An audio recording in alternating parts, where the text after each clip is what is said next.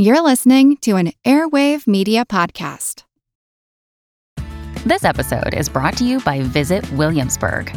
In Williamsburg, Virginia, there's never too much of a good thing. Whether you're a foodie, a golfer, a history buff, a shopaholic, an outdoor enthusiast, or a thrill seeker, you'll find what you came for here and more.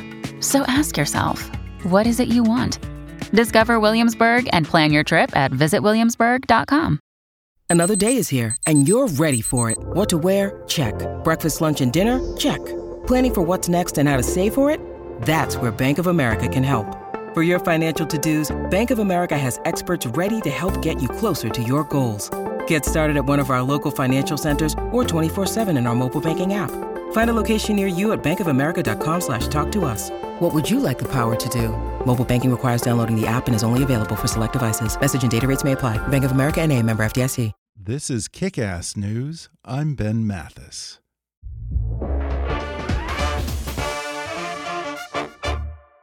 No one compliments you when their paycheck's correct, but make one mistake and you risk alienating your entire workforce.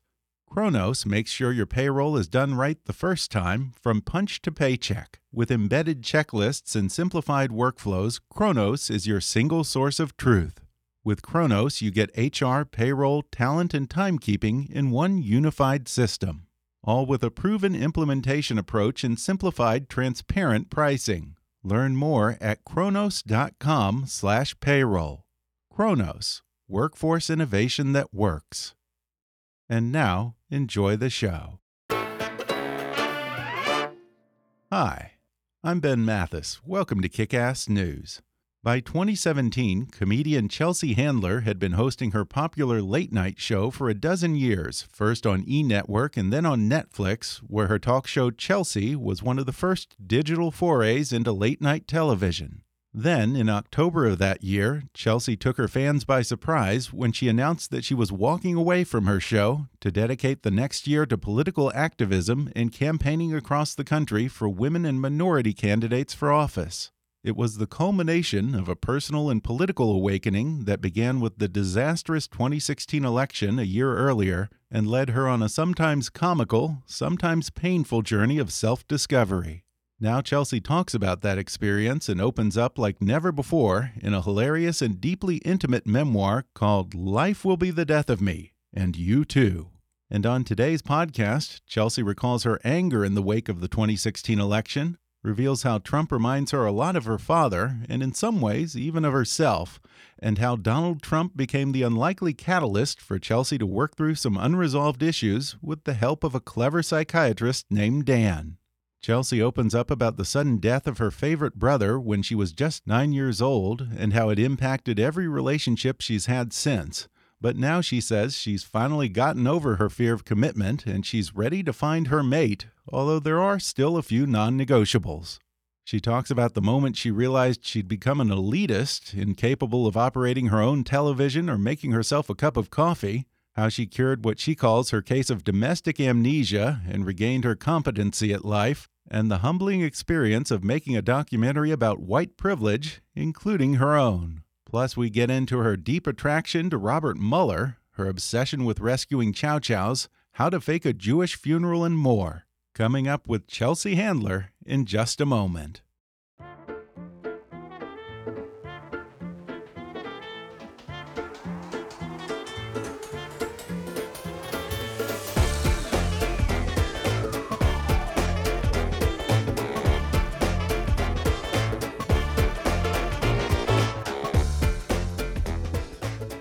Chelsea Handler is a writer, comedian, producer, TV host, activist, and the author of five consecutive New York Times bestsellers.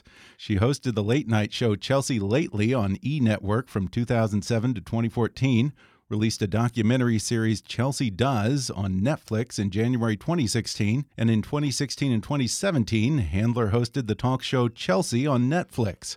Chelsea's got a documentary about white privilege coming out on Netflix later this year, and a brand new book just out titled Life Will Be the Death of Me, and You Too Chelsea Handler, welcome to the podcast. Thank you for having me. Hi. Well, Chelsea, I don't think that I even realized until I read this book just how politically engaged you are. You spent all of 2018 campaigning all over the country for women and minority candidates. Uh, your documentaries for Netflix are covering some pretty interesting social topics.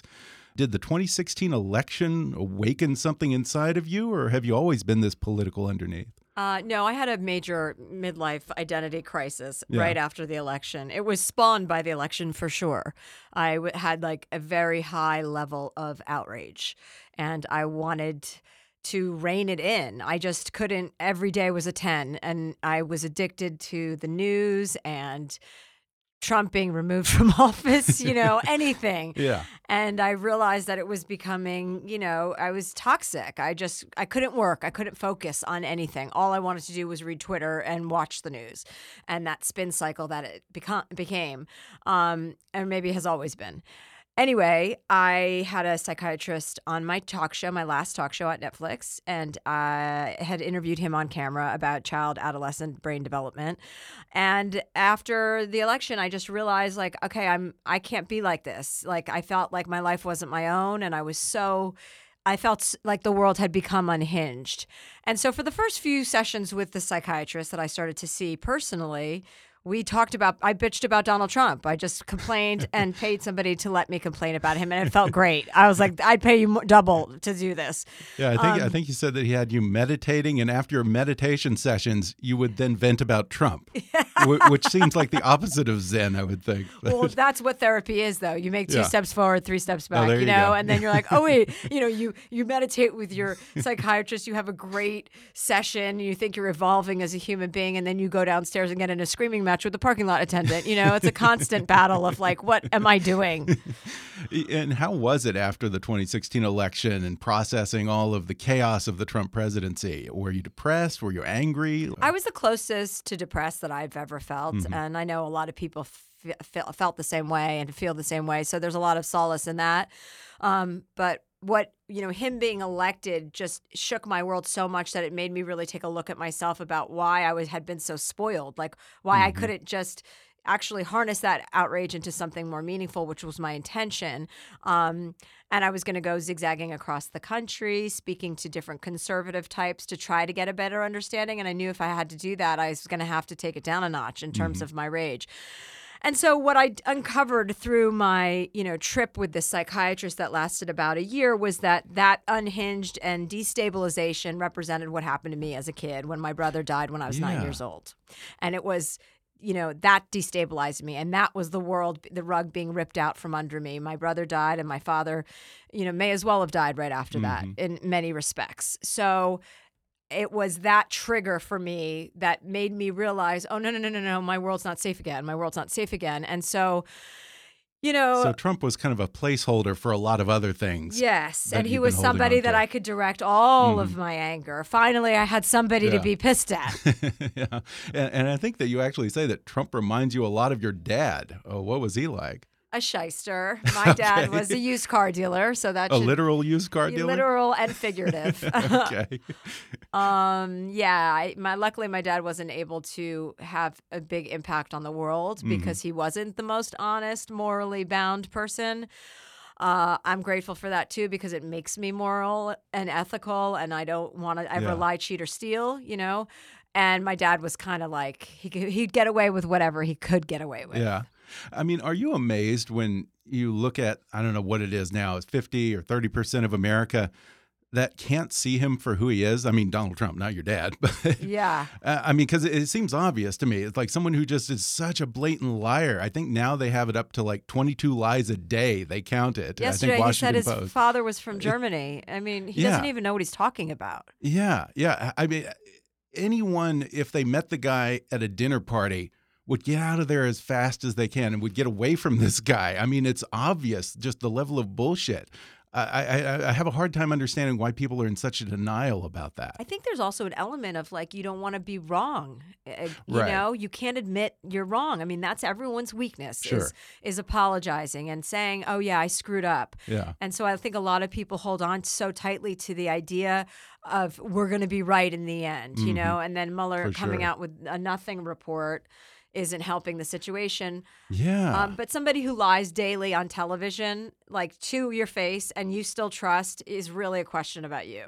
now, speaking of daddy issues and Donald Trump, I have to ask about Robert Mueller. Apparently, you have some kind of a thing for him. Sexually You're attracted sexually to attracted Robert, to uh, Robert yeah, Mueller, Because right? he's got a shit together, and a guy that Really? age who still has a six pack, which I can Yeah. see underneath his white shirt when he walks through hallways, Yeah. is hot. I like a guy that can have their. I like The anybody who's jaw, yeah. hair. That is the opposite of my father. That is a man by the book. The fact that he's a man who hardly ever speaks. Yes, I, like I imagine what he drinks at night, like a Macallan on the rocks, or maybe you know, you know. I imagine him going home and thinking about like his little tighty whities or boxers. My friend Mary says he wears boxers because he's a Marine, and all Marines wear Oh, okay, boxers. yeah, yeah, She that thinks makes she sense. knows everything about Marines apparently.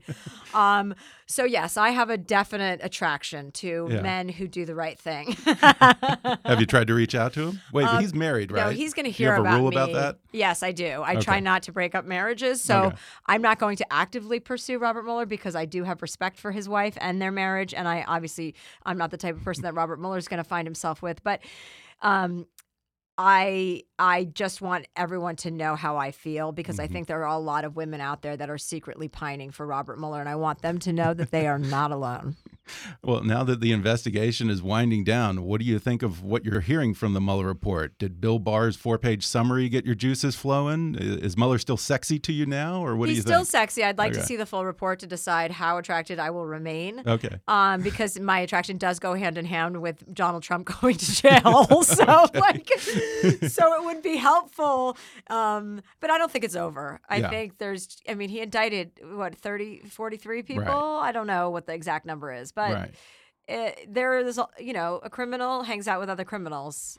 Yeah, for sure. But I mean, it's going to be hard to find a smoking gun. I think. Yeah, I mean, think how so do you, especially with something like this, where it's either collusion, obstruction. You know, you can say things that can be construed a million different ways. I mean, what do you think if ultimately Mueller says, "Look, there was a lot of bad shit going on, but you know, there's nothing that's criminally indictable yeah, yeah. I think that there's burden a. of proof." I think would you a- accept that? I mean, I can have to accept it. I mean, Yeah. I'm not, you know, I have to accept it, and I don't, and I don't want them to rob me of any more of my life. You Mm-hmm. know, this this administration. You, if you let yourself, I read this great thing that Rebecca Solnit, uh, an author, wrote about, you know, being an activist. About you can't treat every day, every new crisis at a 10 like to actually play the long game and to calm down and to be strategic and know that okay if your passion you know if your if your cause is syrian refugees every refugee horror story can't be you can't react to Right. you have to be there and think about the long game and so that was a really useful tur- tool because i'm very impulsive and i'm very like get in there Yeah. i was going and supporting candidates who i didn't even know about i was just like anybody if you're if you're you know a person of color if you're Yeah. a woman i'll support you and it's like you can't do that you have to know what you're Yeah. talking about but i'm always full throttle dive in look later Yeah. and so for me patience mm-hmm. Having you know developing that developing more empathy. I have a lack of empathy i discovered through therapy. Sympathy i have it a lot of. Empathy no. So you know learning about yourself and learning about how to be effective as a person and about the causes you know and uh, how to be effective for the causes you care about uh, was is is a good lesson, and it's important to you know to be, stay focused with him. Uh, without him, Yeah. you know, every day is something horrifying. Well, yeah, that's the thing. And, you know, if every day is a 10 for you and you're just at level 10 outrage over every little leak that comes out, as much as I don't want to give him credit for anything, I think that Donald Trump realizes that. He realizes that the other side has this impulse to want to, you know, call for indictments over everything that comes out. And so it's just him flooding us with information so that he can say, the Democrats are all nuts. They're all Right. crazy. Everything's an emergency to them, and Yeah. everything is a crisis, and they want to indict me over anything that I do. If I go to the bathroom in the morning, they want to indict me. And I think he knows that and wants to try and feed into it. Um, I want to ask you about you know this moment early in the book when you come to a realization that you apparently are the kind of elitist or were the kind of elitist that Trump voters talked about. You were swaddled in all this comfort, surrounded by people around your house doing things for you, and uh, had a, a certain lack of competence that had creeped in uh, with basic things like you know turning on the TV. It's domestic amnesia. I love it. Domestic amnesia. Yeah.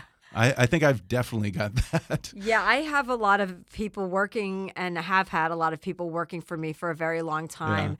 And uh, I'm just really just embarrassed that I don't know how to do anything around my house or make a cappuccino for that matter. I mean, I'm pretty useless when it comes. I've always been that way, but it's gotten like to a point where it was it, it was ridiculous. And Mm-hmm. uh, I wanted to be more self sufficient. I mean, it just was part of my whole kind of wake up or awakening, if you will. I mean, spiritual terms are a little tricky, especially in LA, because it's Yeah. all you hear. Yeah. And so it's hard to take seriously all the time when people say gratitude and universe and and all of that garbage all the time. It's not garbage, but it's it it becomes like when it's at such a high Yeah. din, it's very hard to swallow. Yeah, well, it's lost its meaning to a certain point Yes, in LA. and diminishes the value of really being conscious and being mindful and being present with people and taking your Yeah. time and not and getting off your phone every two seconds. You know, the thing I hate the most is picking up your phone and you don't even know why. It's just the Yeah. bad habit of like Mhm. running and all of a sudden you're on Instagram. Why? Why? Like I want to be so much more I want my life to be so much richer richer than that. Not the game where you're looking around to see what everybody else is doing. The Yeah. game where you're doing what you're supposed to be doing Mhm. and being mindful about it and leaving people with a better feeling after they see you than a worse one. Yeah. Which I'm also really good at, by the way. yeah, yeah. I can't remember the last time I was alone with my own thoughts these days. I know, but it's, you know, you have to train yourself. You have to rehabituate yourself. Mm-hmm. So, whatever your habits are, like I started meditating. When I started seeing my psychiatrist, I could not. I mean, we would sit there for, and, you know, he has this thing where he calls the wheel of awareness. And I was like, all right, you already lost me. Like, I don't want to talk about a wheel of awareness.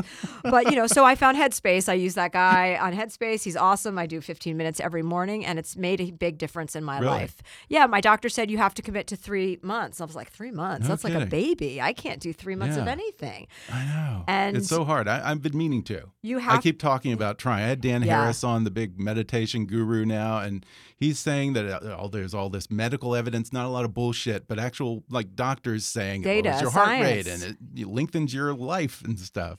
and sleep. For me, it's really And sleep, yeah. I don't want to be taking sleeping pills. I don't Mhm. want to deal like for me it was a about centering myself and calming down and not talking all the time because I can't. Yeah. because I have a mouth. Yeah. To use it judiciously audience. and an audience, but I've made a real like big career out of being a loudmouth and I Mhm. figure like especially with this book, I didn't want to write a book until I actually had something to say. Mhm.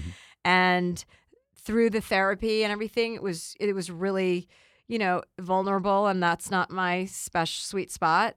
And that's something I have to work on. But I figure if I'm gonna make a career out of oversharing, I may as well start doing oversharing important stuff rather than Yeah. silliness.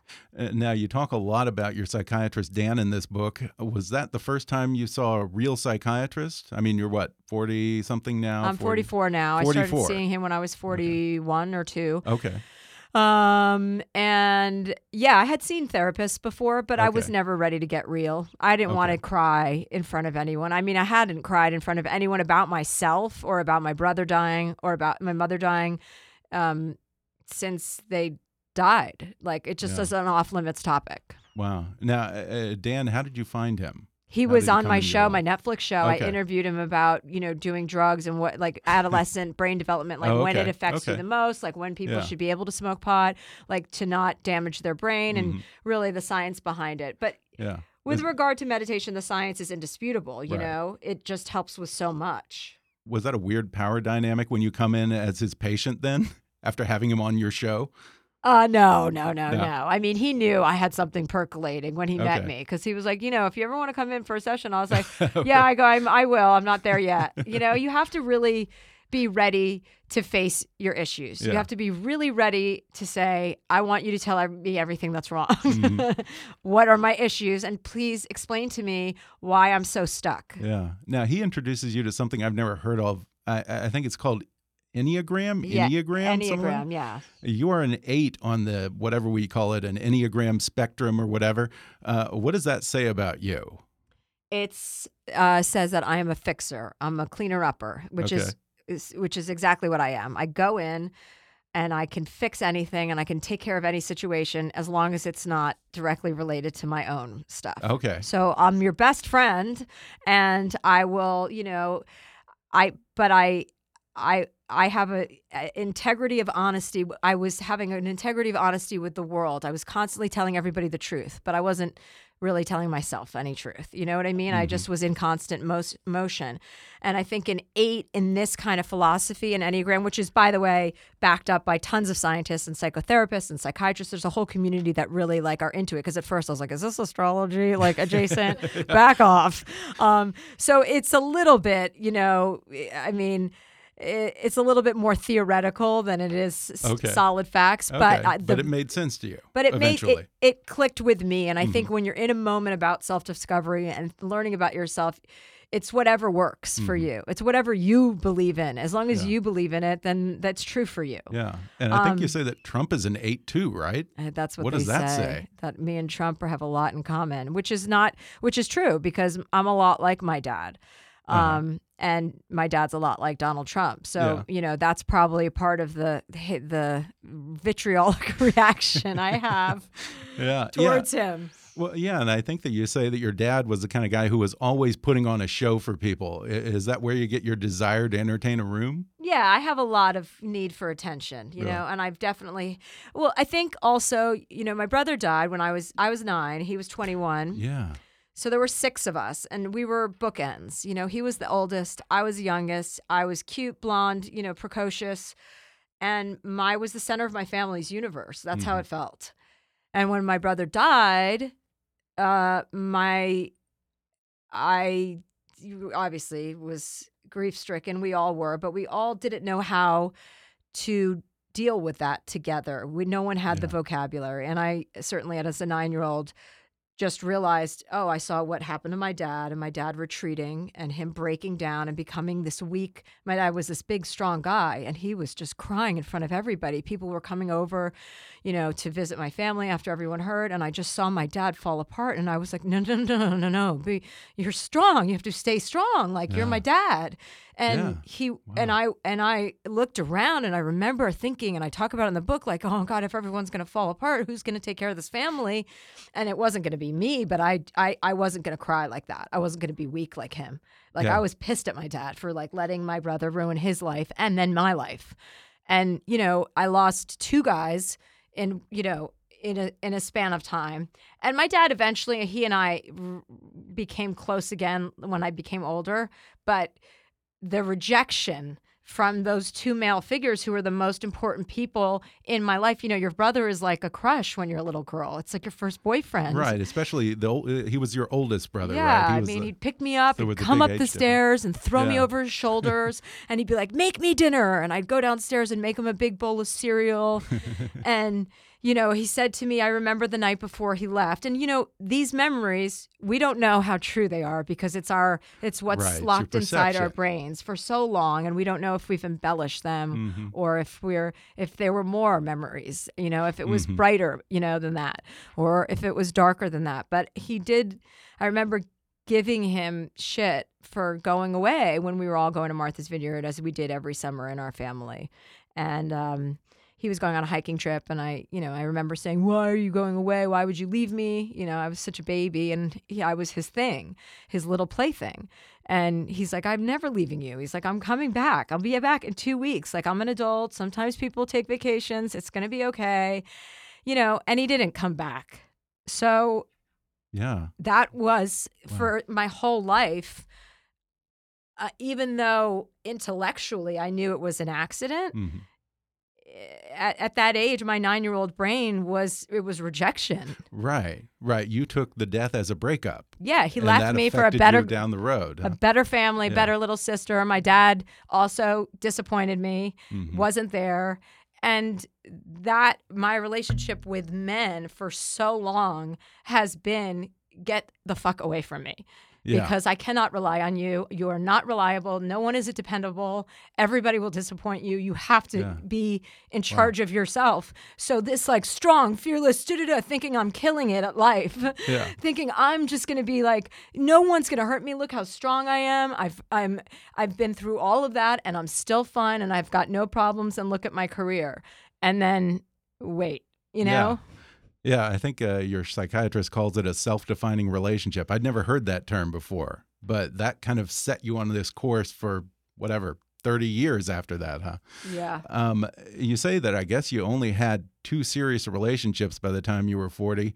I guess relationships didn't really agree with you. I don't know if they do now. Are you interested in finding a mate Yes. now? Really? I'm I'm You're interested in a- interested in like a long-term relationship? Yes, I want to be in a relationship, and I thought for a really long time that admitting that was a sign of weakness, and or you know, I I thought girls who said I want a boy, I need a boyfriend, I want to meet someone, like Yeah. that always rubbed me the wrong way. It's like Mhm. be strong on your own, you're fine on your own, Yeah. and I've you know, I I it was so hard for me to sit down and say to my doctor, I think I'm ready to be. I'm like, here's a sentence I thought Yeah. never thought would come out of my mouth.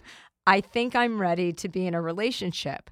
And he said to me, Okay, I want to get you to a place where you can be in a relationship and know that if something happens and they die, you're going to be okay. hmm And I was like, no, no, no, no, no, no. Nobody can die. Nobody can die. That can't happen again. No, no one dies. I can die. That's it. And he was like, when when I felt what, But that's not that realistic because you like older men, right?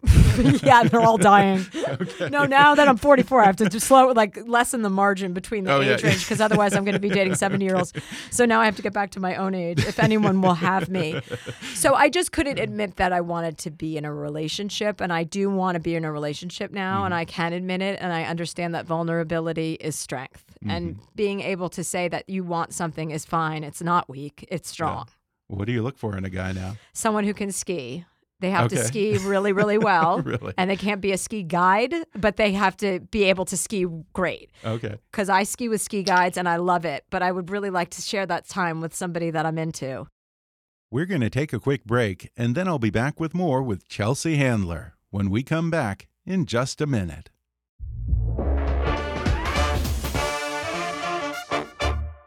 Zebit believes that everyone deserves access to lifelong interest free credit. With Zebit, you have the power to buy what you need and pay over time interest free. Zebit provides a better zero interest credit option for all members, no matter your credit score. With Zebit, there's zero cost to join, zero membership fees, and zero late fees. Your Zebit account is not determined by your credit score, and your Zebit account doesn't impact your credit score. Zebit has more than 50,000 products in their marketplace, and brand names like Xbox, Sony, Apple, GoPro, and Fitbit, all at competitive prices. From electronics to barbecues, furniture, and more, Zebit has everything you need for when you need it. Zebit has a five star rating on Trustpilot, and they've earned the trust of hundreds of thousands of customers. I have to admit that all of this sounded a little too good to be true, but then I went on Zebit and investigated a little myself, and you know what? It's true. Zero interest financing, no sign up fees, and no late fees. Plus, they have a huge selection of products from iPads and the latest TVs to clothes, appliances, gift certificates, and more, and at comparable prices to what you'd pay on Amazon or other sites. I know because I actually compared. And get this, sign up for Zebit today at zebit.com/kick and get $2500 credit to shop the Zebit marketplace at zero interest and zero cost to join. So if you've been saving up for a new laptop or that Gucci purse you've had an eye on, why wouldn't you buy it on Zebit? That's Zebit, Z-E-B-I-T dot com slash kick for $2,500 of interest-free credit. Zebit.com slash kick. And now, back to the show. You give your psychiatrist, Dan, this whole long list of the things that guys do that annoy you and your non negotiables. Uh, can you run through a few of the top ones for us? Uh, yeah, I have a lot of problems with guys like jewelry, male jewelry. I'm not Yeah. interested in seeing that. a necklace is off. That's out. Yeah. If What I about see a it- wedding ring? Wedding ring. Well, that's Well, not a I problem because you're married. Well, yeah, from you. I mean, I mean, right. right. Oh, or, or are you? Yeah. Oh, well, no, you said you're not attracted to married men, Well, or you no, maybe I you're attracted, but you don't. no, no, no. I don't date married Okay. men. All right. Um, but uh, yeah, I mean, you know, like uh, I know. Are you hitting on me? Is Oh, this what's happening? Um, that was my wife there. She's getting a little uncomfortable. um, so what? What else are the things that annoy you? Uh, jeez, like t- long fingernails on a guy when they don't cut their nails Uh-huh. or toenails. You know, screwed up feet are tricky. Those are like that's hot, like a hard thing to deal with. Um, I'm very judgmental, and like what I some of the stuff that I worked on with him, like Mhm. that's all obviously just trying to protect myself and rejecting somebody before they can reject me. Yeah. And the more I keep saying that, the more I realize how true it is. And then the more free you become of it. Is it hard for you to kind of bottle that in when you see a guy who maybe you're interested in, but he has the long fingernails or something like oh that? yeah, well then Uh, I'm how not do you interested. control? No, oh, you- oh, that, oh, that is a that's still a deal breaker. Okay. Yes, All I mean we'll see. I mean, Okay. I, I we'll see what happens in the near future. I feel like I'm going to meet somebody soon because my energy's in the right place, and I feel so ready Yeah. to be like mature yeah. in a relationship, not a baby like I used to be. It would always be prove to me you love me and prove to me you're coming back. hmm I had like real reactions anytime any guy was going like getting on a plane or something, but I never Really? could speak it. I didn't understand it. And it's so obvious, you know, for Yeah. Mm-hmm. anyone. But when you're in your life, it's not obvious. You're just in pain, and you don't. And it's such a. It's like a such a. Um, it's in such a deep place, you know, that injury. And until you really clean it out and work with somebody who has the ability to help you understand all of your shortcomings and all of your injuries, um, you shouldn't be in a relationship. and all the relationships I were in Yeah. weren't healthy. Your brother, of course, was taken from you very suddenly, whereas your parents had this steady decline. Both of your parents, your mom and your dad, uh, you kind of saw the handwriting on the wall and could at least emotionally prepare for that. I wonder which do you think is better? The latter, where you have a chance to say goodbye and give everyone closure, but then, you know, they're also around for this whole long, agonizing process when you're at your most vulnerable and you're most undignified in some ways. I think it's, you know, for the person being, for the person losing someone they love, Mhm. for my experience was it's easier to be able to say goodbye. It's not, Mhm. for the person dying, it's not. Anyway, anyone wants to die, but having someone snatched out of your life with no warning is just not recoverable. Yeah. Now, later, your mom passed away from cancer. Her wish was to be buried with your brother, but it ends up in one of these farcical moments that's straight out of a sitcom. He's buried in a Jewish cemetery, and it turns out that she wasn't Jewish, and it leads into this whole ruse around the funeral. Can you tell that story? Yeah, so my dad was Jewish, my mom was Mormon, and I didn't know Mormon was a, what Mormon was because my mom went to temple with us, and my brothers and sisters were all about mitzvah and bar mitzvah as as was I. And my mom uh, would be on the bema, and she'd go up and she'd speak Hebrew, and she was like, you know, I thought she was Jewish. And then when he died, and you know, in a Jewish cemetery, you're not allowed to bury non-Jews Right. and my dad was buying a plot for my mom, him, and my brother. The rabbi goes, "Well, you can't put bury her there. She's not Jewish." And my dad, being the shyster that he was, was, "It's fine, it's fine." so when she did die, she had rediscovered her Mormonism. After my brother died, my mom got religious. I found out that she was Mormon at my brother's funeral. So I was like, great, more fucking great news. Um, and and then she had been going to church all the time. So she was, you know, she wore the linens and she was Mormon and we had people at our house all the time, missionaries. And so she we, was more Mormon than Jewish. at she was point. way more Mormon. And by the time she died, my dad's like, okay, well, just so you know, after he's walking out of the hospice room, you know, my brothers and sisters and I are all together with my mom. And he's like, uh, just so you, you know, we're going to have to have a Jewish funeral and just leaves. and my sister, who also w- converted to Mormonism, was like, mom's Mormon now. Like all of her friends are church friends. Yeah. Like they're all coming. And he's like, don't, he's like, yeah, but we've got to have a Jewish, we have to have a fake rabbi and a Jewish funeral and all the Mormons had and, to pretend and we like couldn't that, even like- make eye yeah. contact with anybody at the funeral because we were so embarrassed because everyone there was like, "What the fuck is this? Why is she having a Jewish funeral? She's at church every Sunday." So that's my family in a nutshell. Hot mess. That's unbelievable. And I want to say it was either uh, the day your mom died or the funeral was the day before you started your first show, Chelsea Lately. Was that the, that was the one for E, right? Uh, no, I had a that show called The? Chelsea Handler Show. Oh, right, The Chelsea first, Handler Show. and that turned into Chelsea lately. So Okay. yeah, I uh, was. I remember walking into the office my first day, and you know, I didn't know any of these guys that had been hired to do a show with me, and everyone was very scared because everyone knew my mom had passed away. But I, you know, walked in. I was like, it's everyone said, you know, you're meeting people for the first time. And they all were apologizing me, apologizing, giving me condolences or giving their condolences. And I remember going, "It's fine, it's fine. People die all the time. It's no big deal." Huh. And my friend who was in the office with me that day always says to me, she's like, at that moment, I was like, oh, this girl has so much pain. Like, she Mhm. can't even talk about death.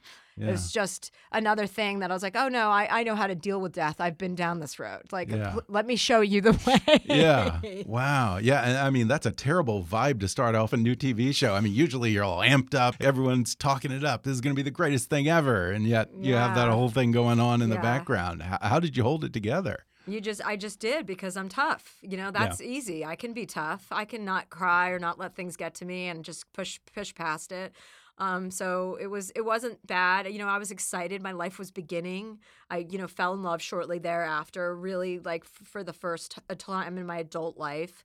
And so, like, even though my, my mom died, it, I wasn't. I got to say goodbye to her, and that's all I cared Okay. about. You got I just wanted to say goodbye, and I showed mm-hmm. up for her, and I was with her, you know, night and day in the hospital. And so the last week of her life, anyway, and I just, I just was grateful I got to say goodbye. Now, you, I think, have had a regular series on and off for probably like a dozen years now until very recently. That kind of pace has to take a toll, and all the pressure of putting on a new show every night or every week and having this whole team around you, and so many people that are counting on you for their paycheck and their livelihood, and so many people looking out for you. Did you enjoy all of that? Yeah. Yeah. I Yeah. mean, it's, it's hard to not enjoy that. It's Okay. it's great. It's I don't I, I what I didn't enjoy was with the speed at which I did everything. You know, you get Really? successful and everyone throws a million things at you and you want to grab it all. And so I would do a book, I would do a stand up tour while I was doing five shows a week. I'd fly out every Thursday, come home every Sunday, just go, go, go, because I thought I was stronger than everybody and tougher than everybody, and I could just keep doing it. And the truth of the matter is, you burn out and you crash, and especially me, because I go at everything 110 miles an hour. And then I'm like, I'm not interested anymore. Yeah. Got it. Nailed that. Got it. Yeah. And so, what I don't like is the drama Mhm. behind the scenes and the cloying and and that kind of managing all those people. I I don't I didn't love dealing with that, and I think. And I don't have, I don't know that I'm that good at it, you mm-hmm. know, at managing so many people. They rely on you. They want you. Yeah. They want you. They want you to like them. They want, and and and there's a lot to, that goes along with it. It just wasn't my. It wasn't what I wanted to do for the rest of my life. And, and I think you talk about also kind of having a certain lack of control over your life when you have that many people around you doing everything and shuttling you here and there. And I think you said that you felt that you were being parented again. You kind yeah, of yeah. reverted back. it made me feel so good to have something so stable and so Mhm. structured. Sure. Like even though it was a silly Chelsea lately, for instance, I mean that was the, probably the longest one I did. eh, The structure was so good for me because I was able to have chaos inside the structure. I had to be somewhere every day. I had everybody looking after me. Mhm. People, you know, telling me what time to be somewhere. Everyone going, "Where is she?" Without me, nobody could. There was nothing. Yeah. Without me, there was no show. So for me, I needed that value because my family, like I, you know what I mean? I was screaming and crying to get attention and no one had any to give me. So I needed to feel depended on. Mhm. I wanted everyone to depend on me because I knew that if anything happened to me, it, it would be, it, it would affect everybody. And I finally felt like I was being looked after. Your latest incarnation of a late night talk show was on Netflix. Do you think that streaming really lends itself to the late night talk show format?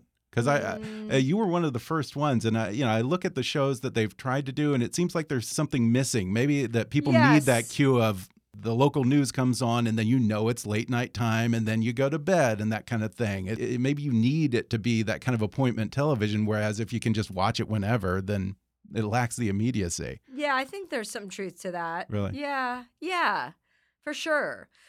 Also, for me, it's just like I, I just don't want to be doing the same thing my Mhm. whole life. I don't. I mean, some people love doing that, and and I don't. And I, why not let people who love to do it do it? I don't want to Yeah. interview celebrities for the rest of my life. I just don't care.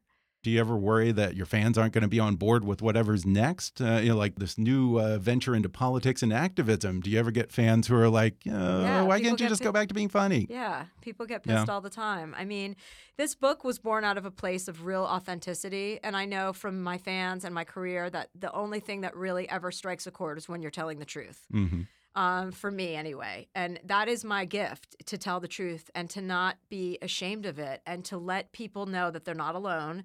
So uh, I. As long as I do that and I can show people how I am getting through my life, hmm and the struggles and the hilariousness of being such a mess and trying to fix yourself and you know the constant tug and flow or like pu- push and pull of of what life is like my ability is to be able to share all of that and if i can share something profound like this book poured out of me and i understood for the first time in my life what it means to have a purpose. Like oh Really? this is this is purposeful. Like this is going to have an impact on people. Everyone has experienced loss and grief and it's ugly and beautiful and hilarious and heartbreaking all wrapped in one and all moving at the same time but it's so important to communicate about it Yeah, and, kudos to you for throwing yourself 100% into activism and actually leaving your show to focus on that. I mean, you know, it's very easy to say that we all want to be a political activist or we're all outraged by Donald Trump, but you know, I mean, you made a big sacrifice to go and do that. i didn't really make a sacrifice Okay. i just did what i had to do because i couldn't Okay. I but there was a monetary sacrifice. Yeah, but that's am I really sacrificing? It's not like I'm in trouble financially. You know what I Right, mean? I know how how yeah, I feel like it was my responsibility to actually do something important for once in my life. Mm-hmm. yeah, okay. You know, I felt like, huh, oh God, why? You know, I can throw myself into this like Mm-hmm. I throw myself into things, and I know I'd get results if I just went full force. I, it's not the way I want to approach everything in my life because I want to have, you know, now I'm so annoyed by I can't even turn on the news. It's like I don't want to hear about these candidates. I don't care. Pick someone and let me know who it is. Yeah. Um, so I did burn myself out. So my lesson in life is to fi- really figure out how to take my time more and to do be thoughtful and actually think of the long game. And I wonder if everyone has that kind of patience because one of my big concerns is that it seems like people are more inclined to channel their outrage into their social media rather than voting, campaigning, and actually showing up the way you did. I worry that tweeting and virtue signaling is going to take the place of real activism over the next two years. Um, I wouldn't. I, I mean, uh, listen. I think what happened in the midterms is only going to happen again, Yeah. and on a bigger scale. And um, it just it. If we hadn't won the midterms, I would have been very desultory. Like I would have Mhm. just thought maybe it is time to leave the country because it is a really sad place.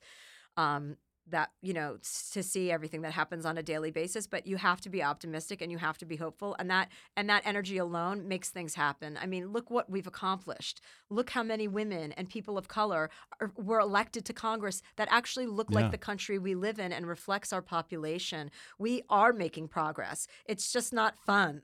Yeah, it's hard work. right now it's not a fun dynamic but Yeah. while all these bad things are happening there are beautiful wonderful optimistic things happening at the same exact time Speaking of that, right now, I guess you're working on a Netflix documentary that you talk about in the book uh, on white privilege that's coming out later this year. Can you talk a little about the documentary? Uh, yeah, that was born out of the election as well. I just realized, you know, how I felt so like things had gotten so out of control. And I realized, oh God, you've never really had anything in your life not work out for you. Like, I thought adults took care of politics.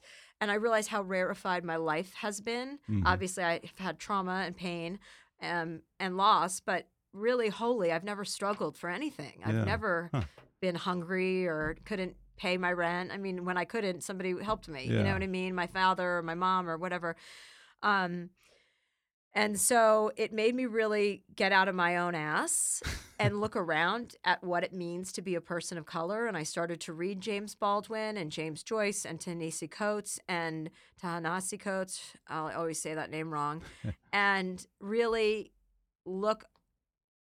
I wanted to be a better ally and mm-hmm. a better advocate to So- people of color. So I wanted to hang my own privilege out to dry because I don't think most people are just trying to get from point A to point B. They're trying to pick their kids up. They're sometimes working more than one job, more than two jobs. People don't have time to think about what it's like for other people, marginalized Right. communities. And right. and I really had to be like, what am I going to do with myself that's of import? What am I going to contribute? And so, you know, it's a difficult conversation. I'll get a ton of shit for wri- making a film about white privilege. I'm sure I'll piss every kind of person off. But you're also, it's a sort of a self confession, which I think uh, gets you off the hook a little bit. Yeah, I don't think it, you know, I'm always on the hook. Like, I'm always going to get in trouble because I have a loud, a big mouth. Yeah. but you know i can be more thoughtful about what my intentions are and if you know and knowing when you have a platform that i have it is my responsibility to stick my neck out for Mhm. other people because i'm not affected by this presidency. I'm not my job's not, you know like i'm not my life hasn't changed one iota. It's about thinking it's about not just you know voting for your best interests. It's about voting for you know marginalized communities best interests i Yeah. believe. And that's what i that's why i you know jumped so deeply into it. But i mean i don't think of myself in terms of you know like i'm some crazy activist i i mean i i was really angry and yes i suppose i am an activist um but it's just feels like it's the right thing to do Why do you think white privilege is such a loaded term these days? I mean, it, it's hard for any white person like myself to try and say that I didn't have some kind of advantage over other people. I feel like the country hears the term white privilege and equates it with white self loathing somehow. Yes, I think we have a we have a problem with taking responsibility. I mean, the most common thing that happened on the film was people going, "I don't I've never seen anybody discriminate against black people." And it's like, Mhm. why would you see it if you're not black? Right. You wouldn't notice it if you're white and you're surrounded by white people and you live in Cumming, Georgia, this town we went to. Um, you you it's just it's a night it's naive and it's also you're living in your own bubble and you're not paying attention to what's happening around you um and white people it is a white person's problem white privilege is not a problem that we need black people to solve but getting people white guys to talk about this Yeah. on camera was Yeah. almost impossible Oh, really? people don't want to talk about it just like you said they were i mean they're just uh, you know nobody wants to say the wrong thing or sure. address the they issue feel like it's a trap. right and i'm about Yeah. i'm all about um uncomfortable conversations Mhm. i think are strong Yeah, absolutely. and it changes you know it's okay to screw up and say the wrong thing if you're trying to learn and admit your mistakes and and i'm open to learning all the time so i thought it might be a good eye opener and the film is pretty i visited an ex-boyfriend that i dated when i was in high Oh, yeah? school yeah uh, who's black who spent 14 years in jail and his life he had a full scholarship to unlv and he got caught with marijuana we got caught together he they let me go he got Really? arrested and then after that once you're in the system like his Oh whole God. life ended because Wow. of being caught with a dime bag wow, that's shocking. and my life was fine Wow. and we were both there That's white and brutal. black Ironically, while you were filming this documentary, apparently you say that Netflix had to make you take a racial sensitivity course. What the hell did you do? I um I gra- I smacked a girl um on her butt like uh and I like as I like you know we hugged and then I I sh- I just went like I do this I, I'm physically inappropriate all the time and I didn't even think Yeah. that it was inappropriate. I you had and no Joe idea. Biden. Uh, yeah, exactly. And then I smelled her hair and kissed her on the back of the head. Yeah. Um, but she wasn't. It wasn't received in the way that I intended it. Yeah. And it's what I learned, and it may sound silly to some people and horrifying to others. Like, why am I grabbing women's asses? But I did it in a like. A, to me, it was like a sisterhood thing. Like that's you know, like you're a girl, I'm a girl, we're sisters. Right, you that- go girl I do that thing, to yeah. everybody. And what I learned is that first of all, stop doing that to people. and it's not about your intention. It's Yeah. about how it's received. It doesn't matter what your intention was. I mean, yes, it matters to a degree, but really all that matters is how somebody feels. Mm-hmm. And if somebody feels violated, then you need to like then then that's then that's what Yeah.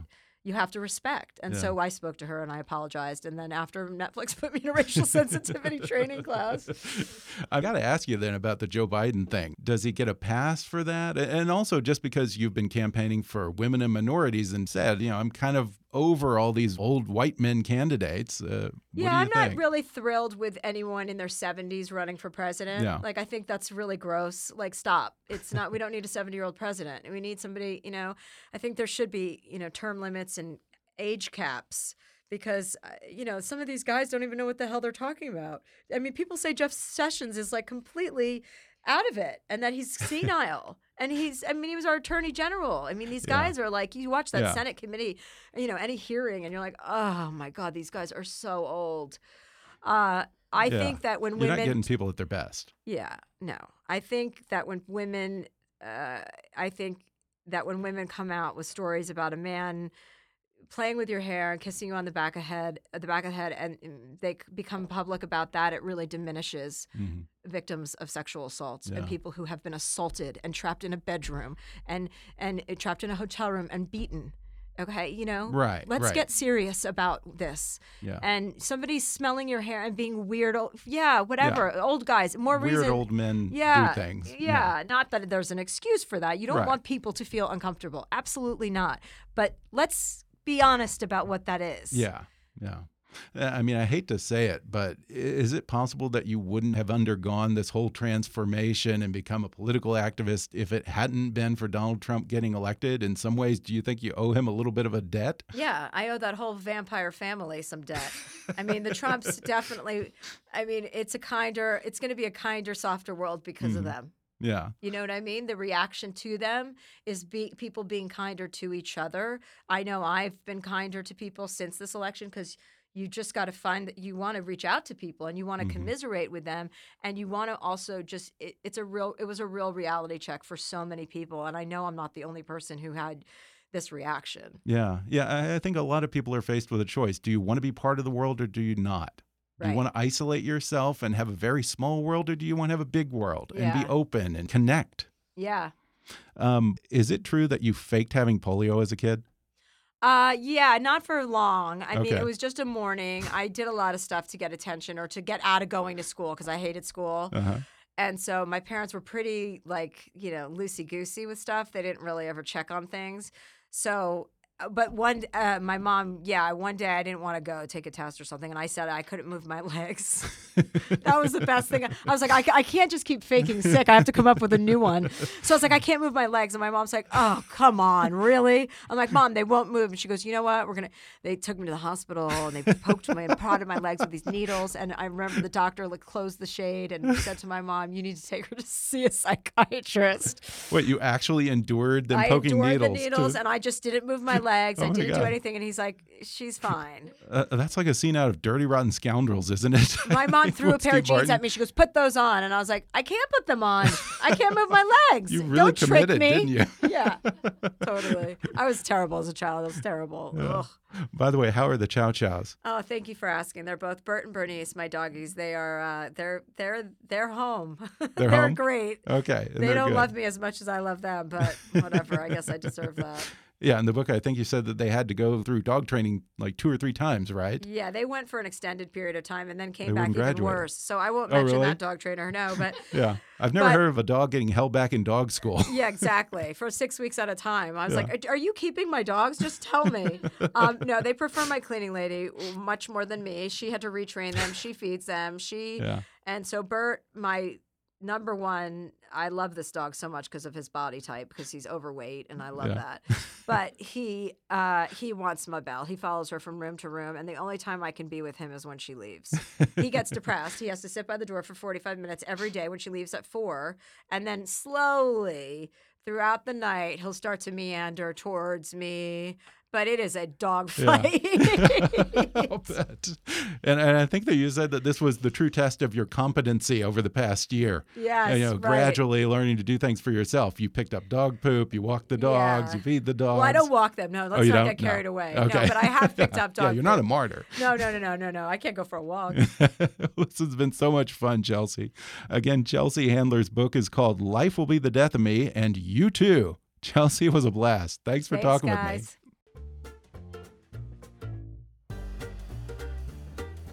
Thanks again to Chelsea Handler for coming on the podcast. Order her book, Life Will Be the Death of Me, and You Too on Amazon, Audible, or wherever books are sold.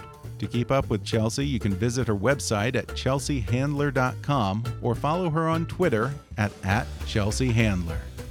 Whatever struggles you're facing, from depression and anxiety to trauma and grief, BetterHelp can connect you with a professional counselor in a safe and private online environment. It's so convenient, you can schedule secure video or phone sessions, as well as chat or text with your therapist. And anything you share is completely confidential. Best of all, it's a truly affordable option. Kickass News listeners can even get 10% off your first month with the discount code KICK. So why not get started? Simply go to betterhelp.com/kick and fill out a questionnaire to get matched with a counselor you'll love today. Be sure to subscribe to Kickass News on Apple Podcasts if you haven't already. And if you like what you're hearing, then rate and review us while you're there.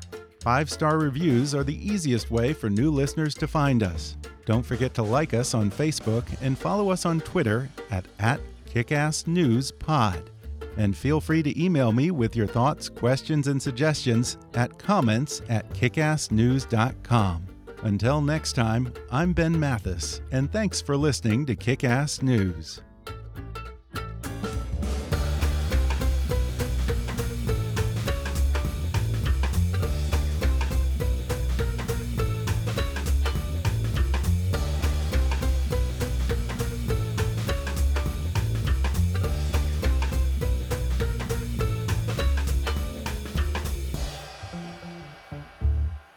Ass News is a trademark of Mathis Entertainment, Inc.